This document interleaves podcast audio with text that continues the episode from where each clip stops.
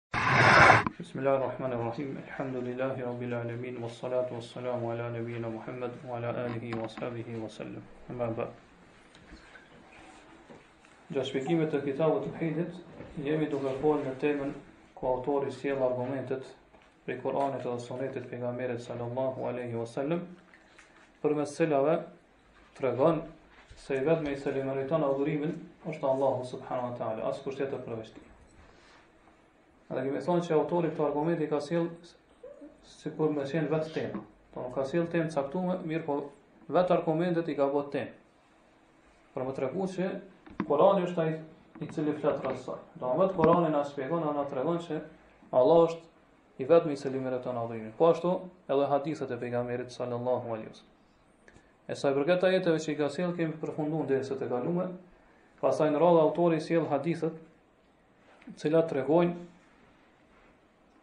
do flasin këtë temë edhe tregojnë për qëllimin të cilin e ka zbritur Allahu subhanahu taala fjalët e tina, ku thotë lejse leke min al-amri shay'un.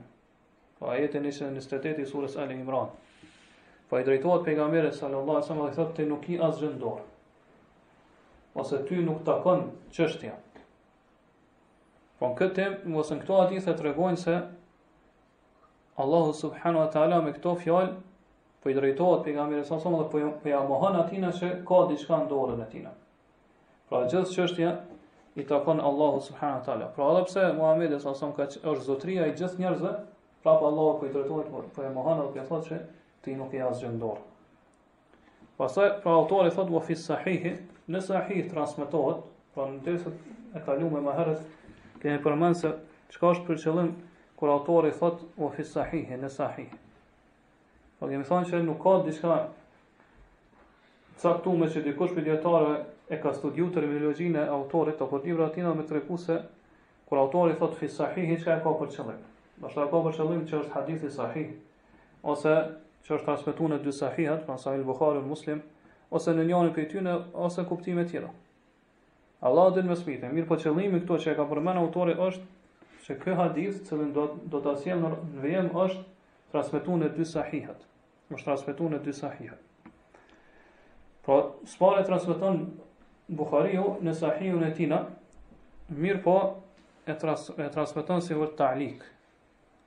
Kjo është një një është një pjesë e haditheve në Sahihun e Buhariu që transmet që quhen talikate. Po talik quhet kur autori nuk e përmend shumicën e, e transmetuesve të zinxhirit të hadithit. Nuk i përmend ata hiç. Pra përmend vetëm sahabien ose e përmend tabiin i cili transmeton pi sahabit. Kaq. Pra pjesën tjetër e fshin. Kjo quhet talik. Pastaj ka llojet shumë të talikateve që janë në Sahih Bukhari, disa prej tyre, autori, pra Sahih Bukhari, në Sahihun e tina i sjell, i thonë arabisht bi sigatil xhezm. Pra në që edhe pse nuk e përmen, shumicën, nuk e përmen shumicën e transmetuesve, ai është i vendosur, pra e përdor atë metodën që tregon se vërtet, Që këtë e ka thonë pejgamberi sa sa. Po te autori ekziston zinxhiri transmetuesve, mirëpo ai nuk e përmend për një arsye. E ky hadith është prej këtyre haditheve. Po që Bukhariu e transmeton bi sigha til jazm. Po që ky ky hadith e ka zinxhirin transmetuesve, mirëpo ai për një qëllim të caktuar nuk e ka përmend nuk e ka përmend ata transmetues. Prandaj Bukhariu e transmeton prej Humejdit edhe Thabitit prej Enesit radhiyallahu anhu. Kurse ata tjerë të cilët e transmetojnë këtë hadith me zinxhir transmetuesve, pi tyne është Imam Ahmedi, Allahu e mëshiroft, që e transmeton në Musnedin e tina. Po ashtu Tirmidhiu në Sunenin e tina. Po ashtu edhe Nesaiu. Këta e transmetojnë pi Humejdit prej Enesit radhiyallahu anhu.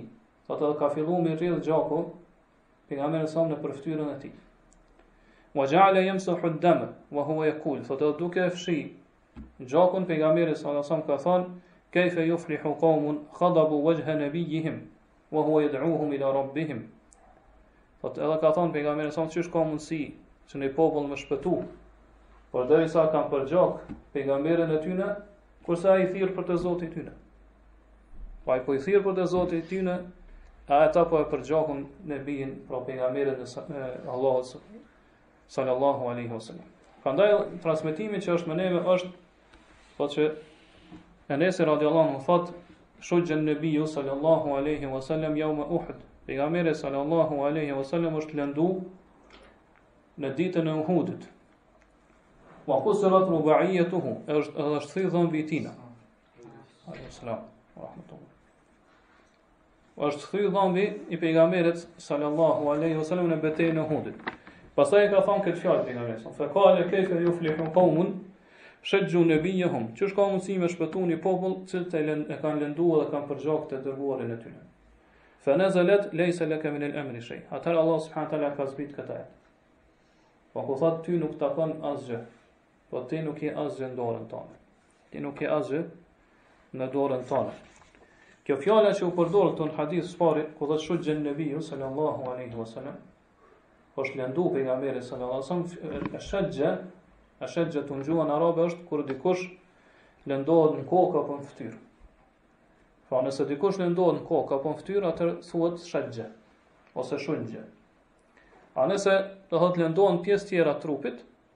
Atër kjo quhet arabisht xhiraha.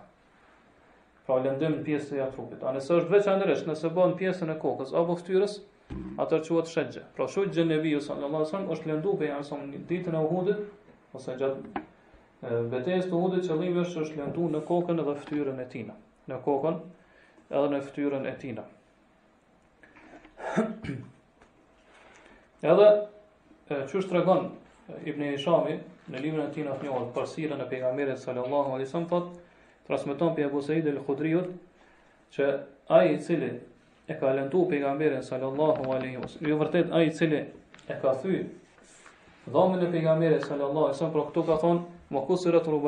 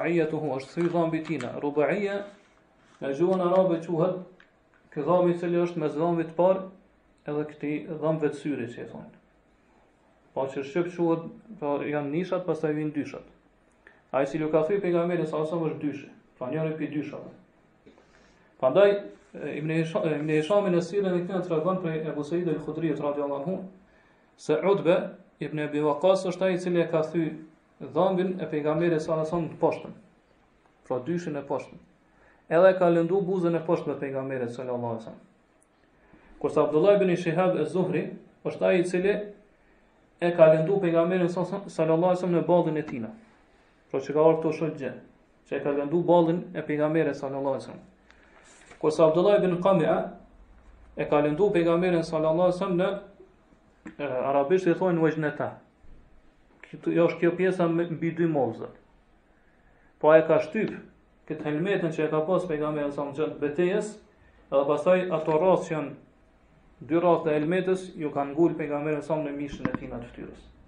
E këto e ka vepru, do thotë kjo Abdullah ibn Kamie.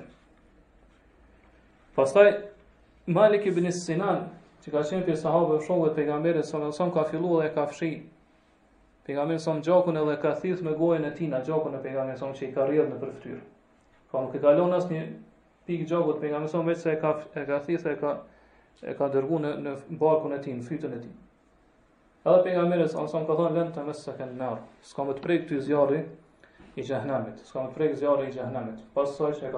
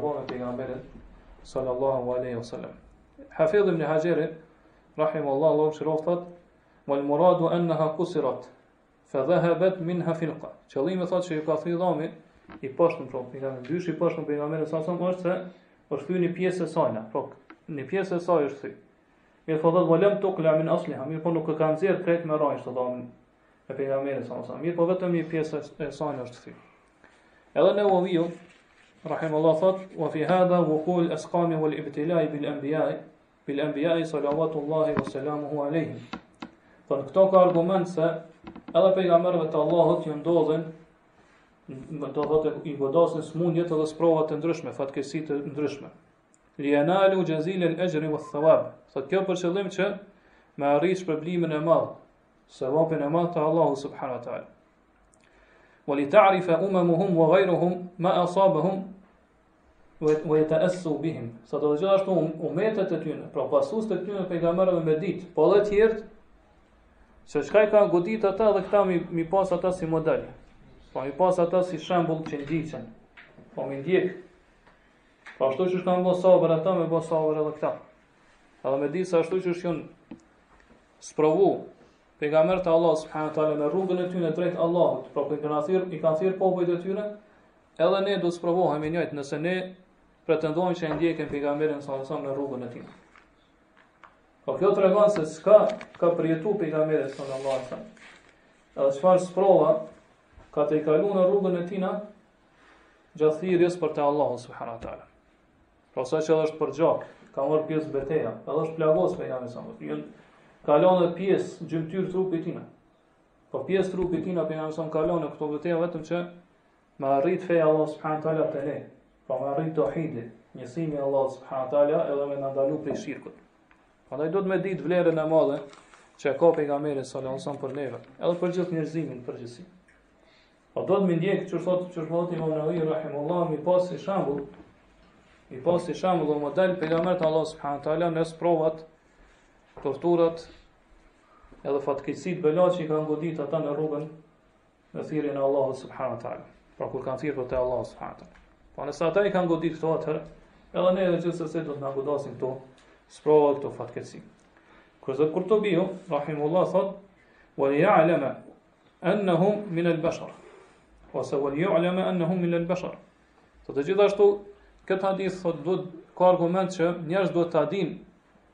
që pejgamberët e Allahut subhanahu teala thjesht kanë qenë njerëz. Po kanë qenë njerëz sikurse njerëzit tjerë. Tusibuhum min min mihan ad-dunya. Po që ata i godasin sprovat e dunjas. Wa yatru ala ajsahim ajsamihim ma yatru ala ajsam al-bashar. Pra te trupat e tyre ka mundësi me ndodh ato që ndodhen te trupat e njerëzve të tjerë.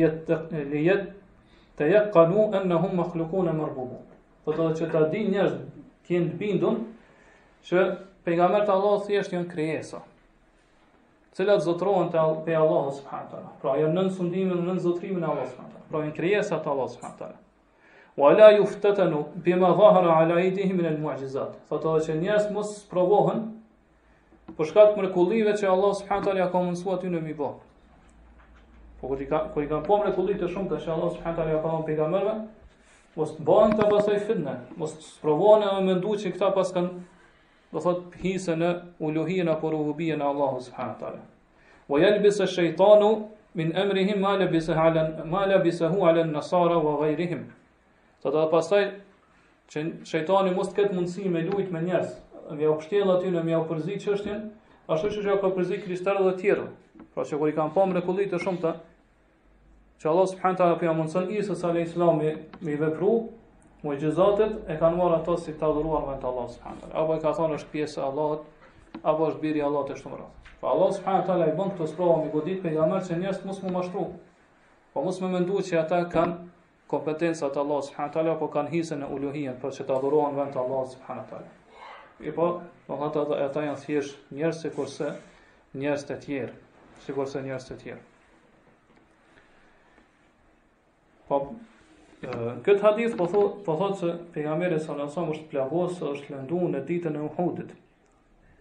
Po Uhudi është kodër e njohur, është mali i njohur që bie në veri të Medinës, në anën apo pjesën veriore apo veri lindore të Medinës. Edhe aty ka ndodhur beteja e njohur, që që njihet si beteja e Uhudit, një vit pas betejës Bedrit, pra në vitin e tretë të hixhretit. Mushrik, po i kanë tubu ushtritë e tyre dhe kanë dëshiru që në këtë betejë gjithsesi me fitu dhe me, me triumfu ndaj pejgamberit sallallahu alajhi wasallam dhe ndaj sahabëve. Edhe ushtrisë të mushrikëve i ka, i ka pri Ebu Sufjan ibn Harb, se në atë kohë ka qenë mushrik. Pra kanë ardhur që m'u hakmerr ndaj pejgamberit sallallahu alajhi wasallam dhe shokëve të tij. Për arsye se pra muslimant kanë triumfu në betejën e Bedrit një vit përpara dhe i kanë shkaktuar humbje të mëdha ushtrisë mushrikëve. Pra ata kanë ardhur dhe janë vendos te kodra ose te mali i, i Uhudit. Edhe pastaj pejgamberi sallallahu alajhi wasallam ka shkuar së bashku me shokët e tina për me i prit ata. Për m'u taku edhe m'u ndesh në bete, në luftën apo betejën e një orë të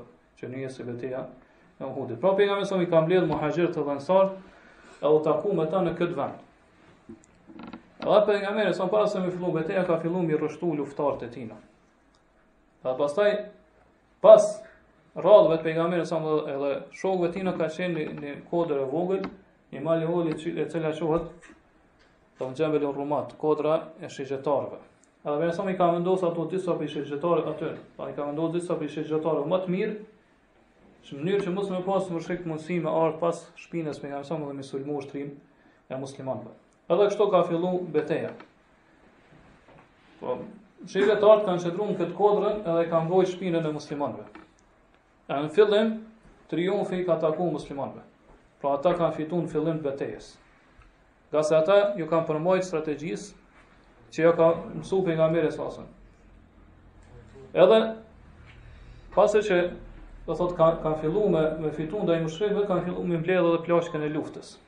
Tash shigjetarët të cilët kanë qenë në këtë kodrën kur kanë pa që muslimant po fitojnë Pra fitu betejën dhe po po fillojnë me mbledh plaçkën e luftës. Kanë filluar me zbrit pej kodrës, me thonë që po i ndihmojmë na vëllezërit tonë që me mbledh plaçkën e luftës. Mirëpo, komandanti i tyre, i cili ka pas emrin Abdullah ibn Jubair, radiallahu anhu, ka thonë mos zbritni.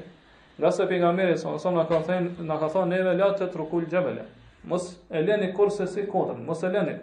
Mos zbritni pej kodrës. Sawan intasarna Au huzimna, pavarësisht a fitojna apo humbim. Mos zbritni pej kësaj kodre deri në fund betejës.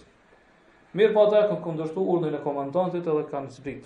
Pastaj Khalid ibn Velidi, radiallahu, radiallahu anhu, i cili n'atë kohë ka qenë mushrik, pra ka qenë në, në ushtrinë e mushrikve, kur e ka pa që domethënë kodra është zbraz, Prej shigjetarëve dhe pra dihet që Khalid ibn Velidi ka qenë pej trimave edhe pej kokave t'arabve. Ka qenë njeri shumë i mençëm, strateg i madh. Edhe ka qenë gjithashtu trim. Atëherë ka pa që kjo është një mundësi përmes së cilës ai mundet me domethënë me kthy fitoren në favor të tyne.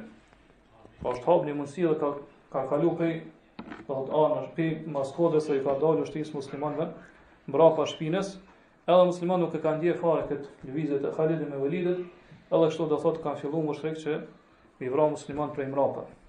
Atëherë do thotë ato është përzi në fushë betejë janë përzi dy dy ushtrit. Domethënë edhe ajo e mushrikëve, edhe ajo e muslimanëve. Edhe ka filluar beteja prej fillimit.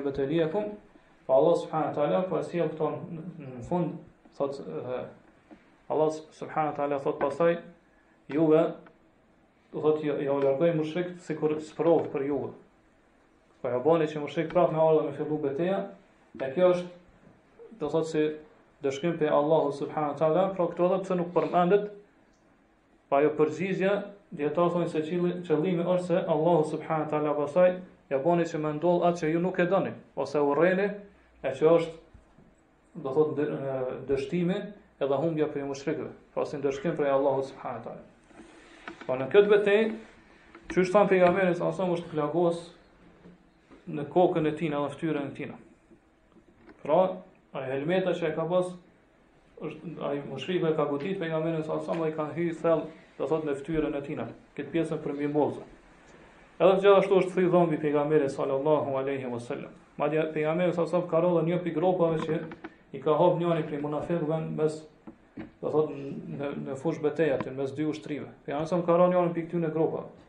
Edhe mushrikët e Mekës pas kësaj na kanë përhap që është vrarë pejgamberi sa sa.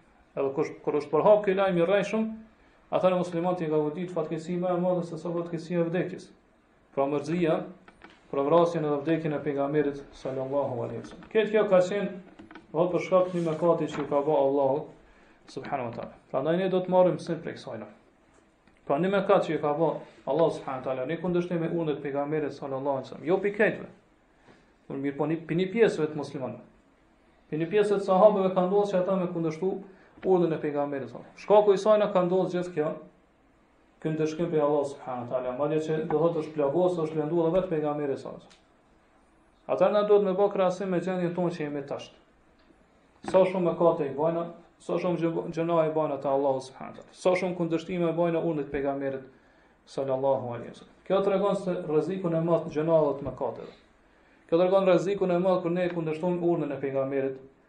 Sallallahu alaihi wasallam.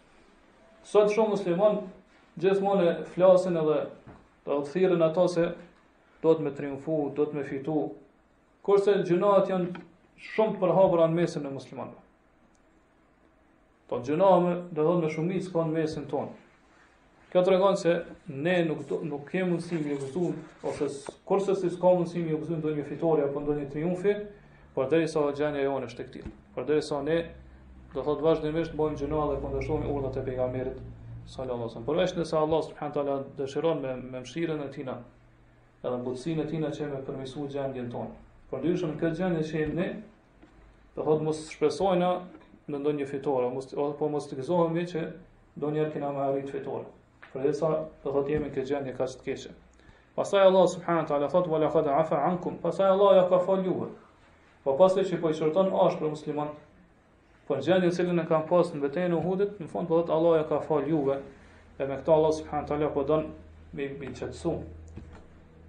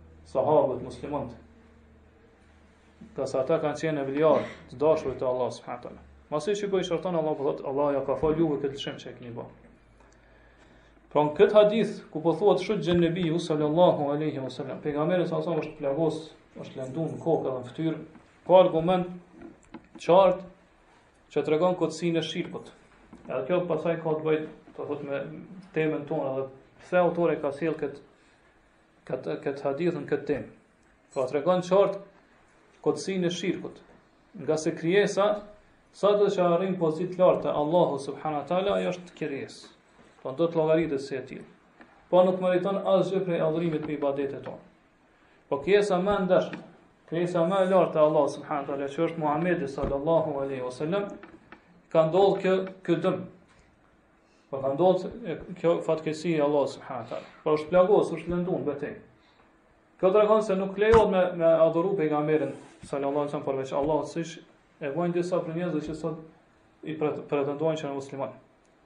Përderisa po kjo nuk po lejoheka për pejgamberin sallallahu alajhi wasallam. Atëherë si është puna me tjetër për, përveç tina, ose që janë në shkallë më të ulët se sa pejgamberi sallallahu alajhi wasallam.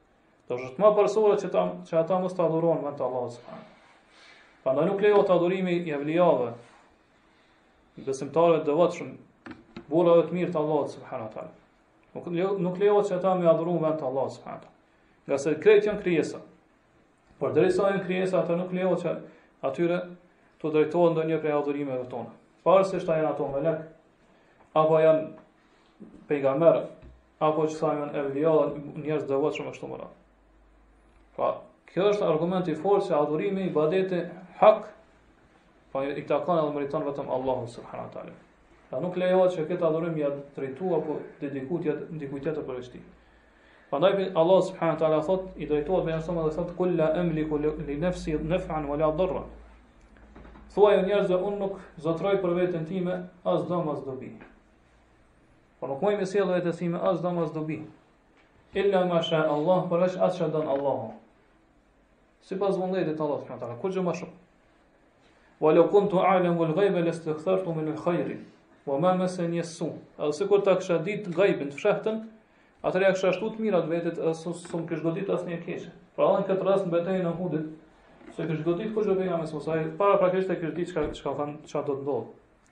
Mirpo çka thot? In ana illa nadhirun wa bashirun li qawmin yu'minun. Unë jam vetëm përgëzues. Paralajmërues dhe përgëzues. Pra i paralajmëron besimtarët dhe u tërheq vërejtjen jobesimtarëve. Pra jam paralajmërues edhe përgëzues li qawmin yu'minun për një popull që dojnë me besu, edhe besojnë Allahun subhanahu taala. Po përderisa nuk po lejoheke me adhuru, pejgamberin e Allahut, sallallahu alaihi wasallam, atëher, qysh thamë, Kjo është më parësore që tjerët mos të adhurohen për ata që janë në nivel në shkallë më të ulët se sa pejgamberi sallallahu alaihi wasallam. Ngase vetë pejgamberi sallallahu alaihi wasallam nuk ka nuk ka ka shumë që s'pas ka pas mundësi me largu prej vetes tina damin. Ose po të kishte në dorën tina që me largu damin prej vetes tina, ose mi sjellë hajre të mira vetes tina, atër nuk i kishte ndodhë kjo fatkeqësi dhe kjo çka që i ka ndodhë në betejën e Uhudit.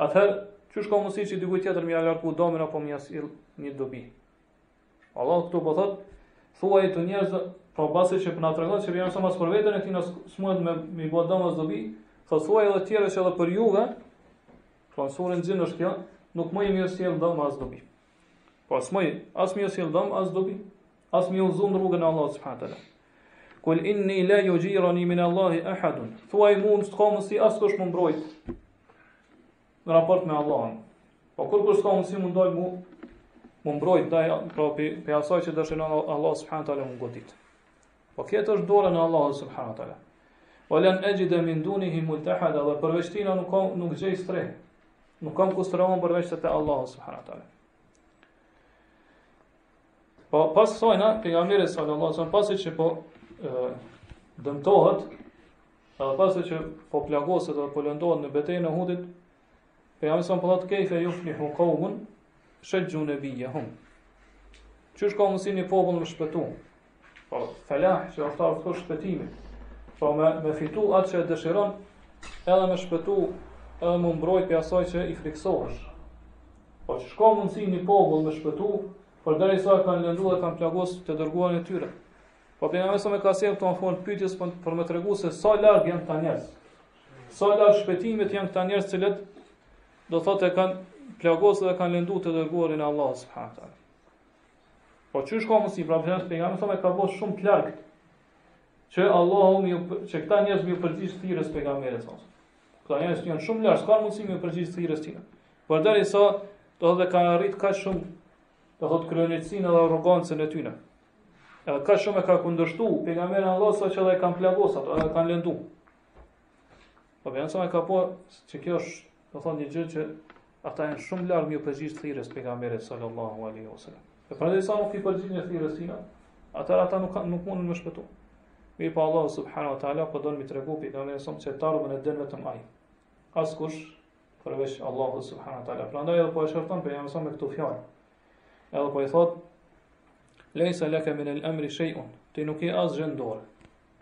Ty nuk të takon asgjë prej çështjes. Au yatubu alehim au yu'adhibuhum fa innahum dhalimun. Thotë ose ju, jau pranon Allah subhanahu wa taala pendimin e tyre ose me i ndëshku, përderisa janë zullumqarë. Pra i bojnë shirk Allah subhanahu wa taala. Po kjo është një argument tjetër që tregon për kotësin e shirkut. Dhe që askush përveç Allahut subhanahu wa taala nuk e meriton adhurimin.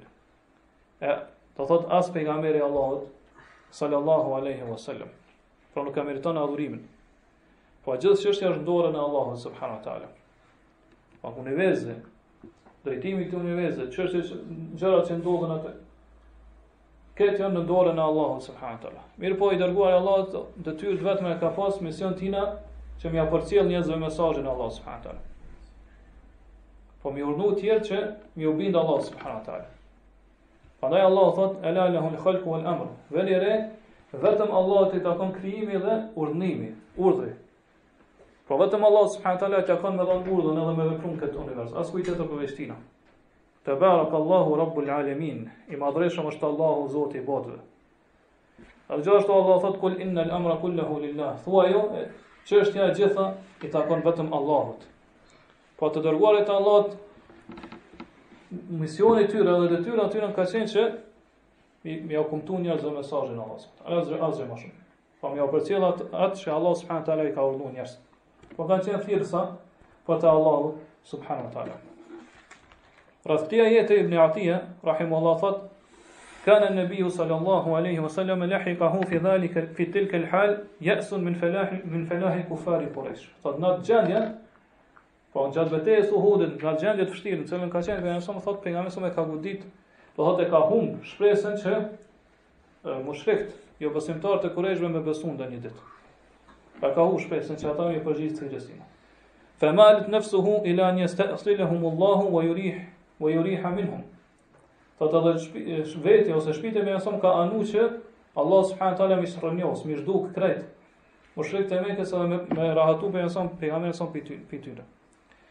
Faqila lahu bi sababi dhalika, ata thot Allah i ka thon atina për shkak të kësajna, do me thonë ka ndje në, në veten e tina, shpirtin e tina, leysa laka min al-amri shay.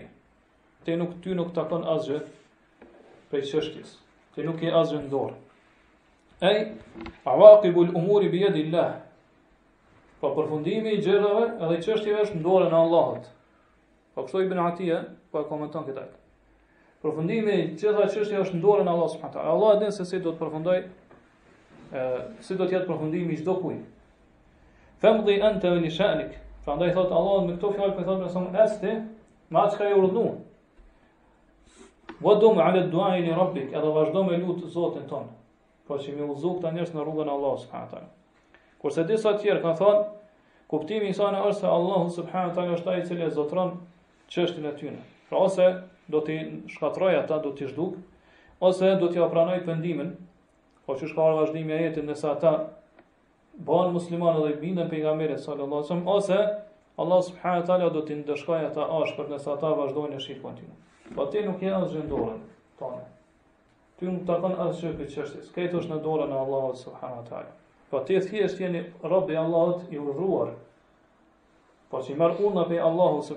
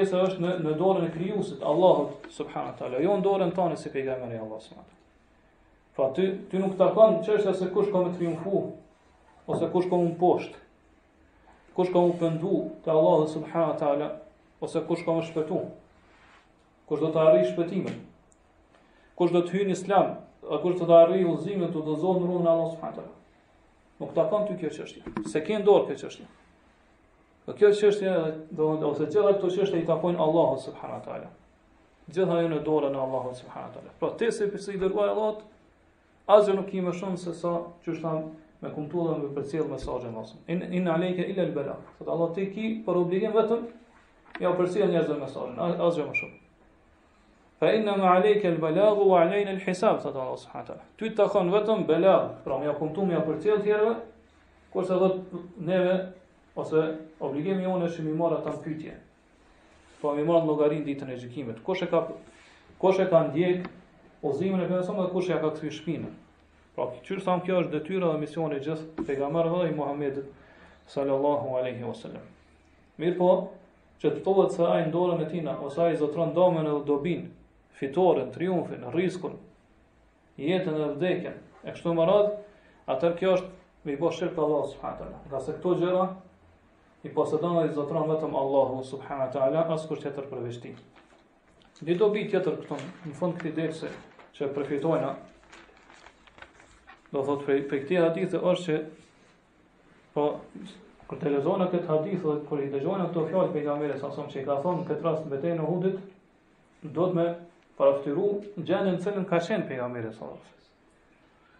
Pasi është lënduar në kokë, në fytyrën e tij, në kokën e tij, edhe i ka thy dhomin e tij, ka rënë në gropë e kështu me radhë, që është sqaruar më lart. Dhe Allah subhanahu wa taala, edhe pse Pejgamberi s.a.v.s. ka qenë në këtë gjendje ka shtru, edhe ka thënë kejfe juflihu kaumun shexhu vexhhe nebijjihim, qysh ka mundësi, një popull me shpëtu përderisa kanë lëndu të, të dërguarin e tyre në fytyrë, pra kanë gjakos të dërguarin e tyre,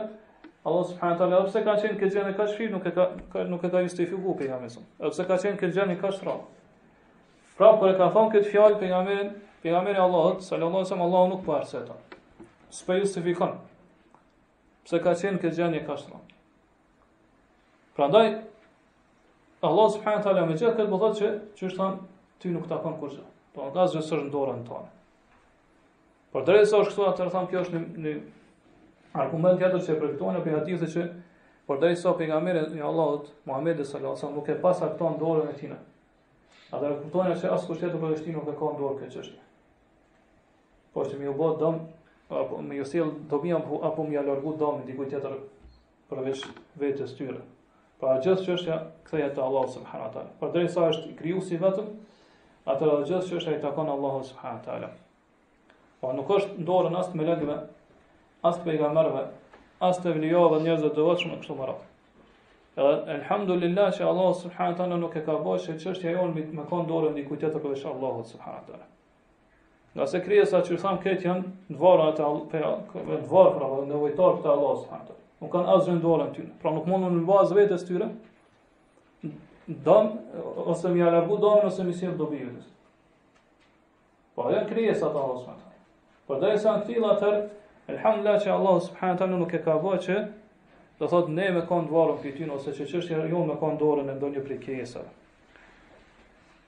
Prandaj prej kësaj kuptojmë qysh thamë kotësin e shirkut edhe që gjitha drejtime që i bëhen dikuj përveç Allah subhanahu taala janë të kota.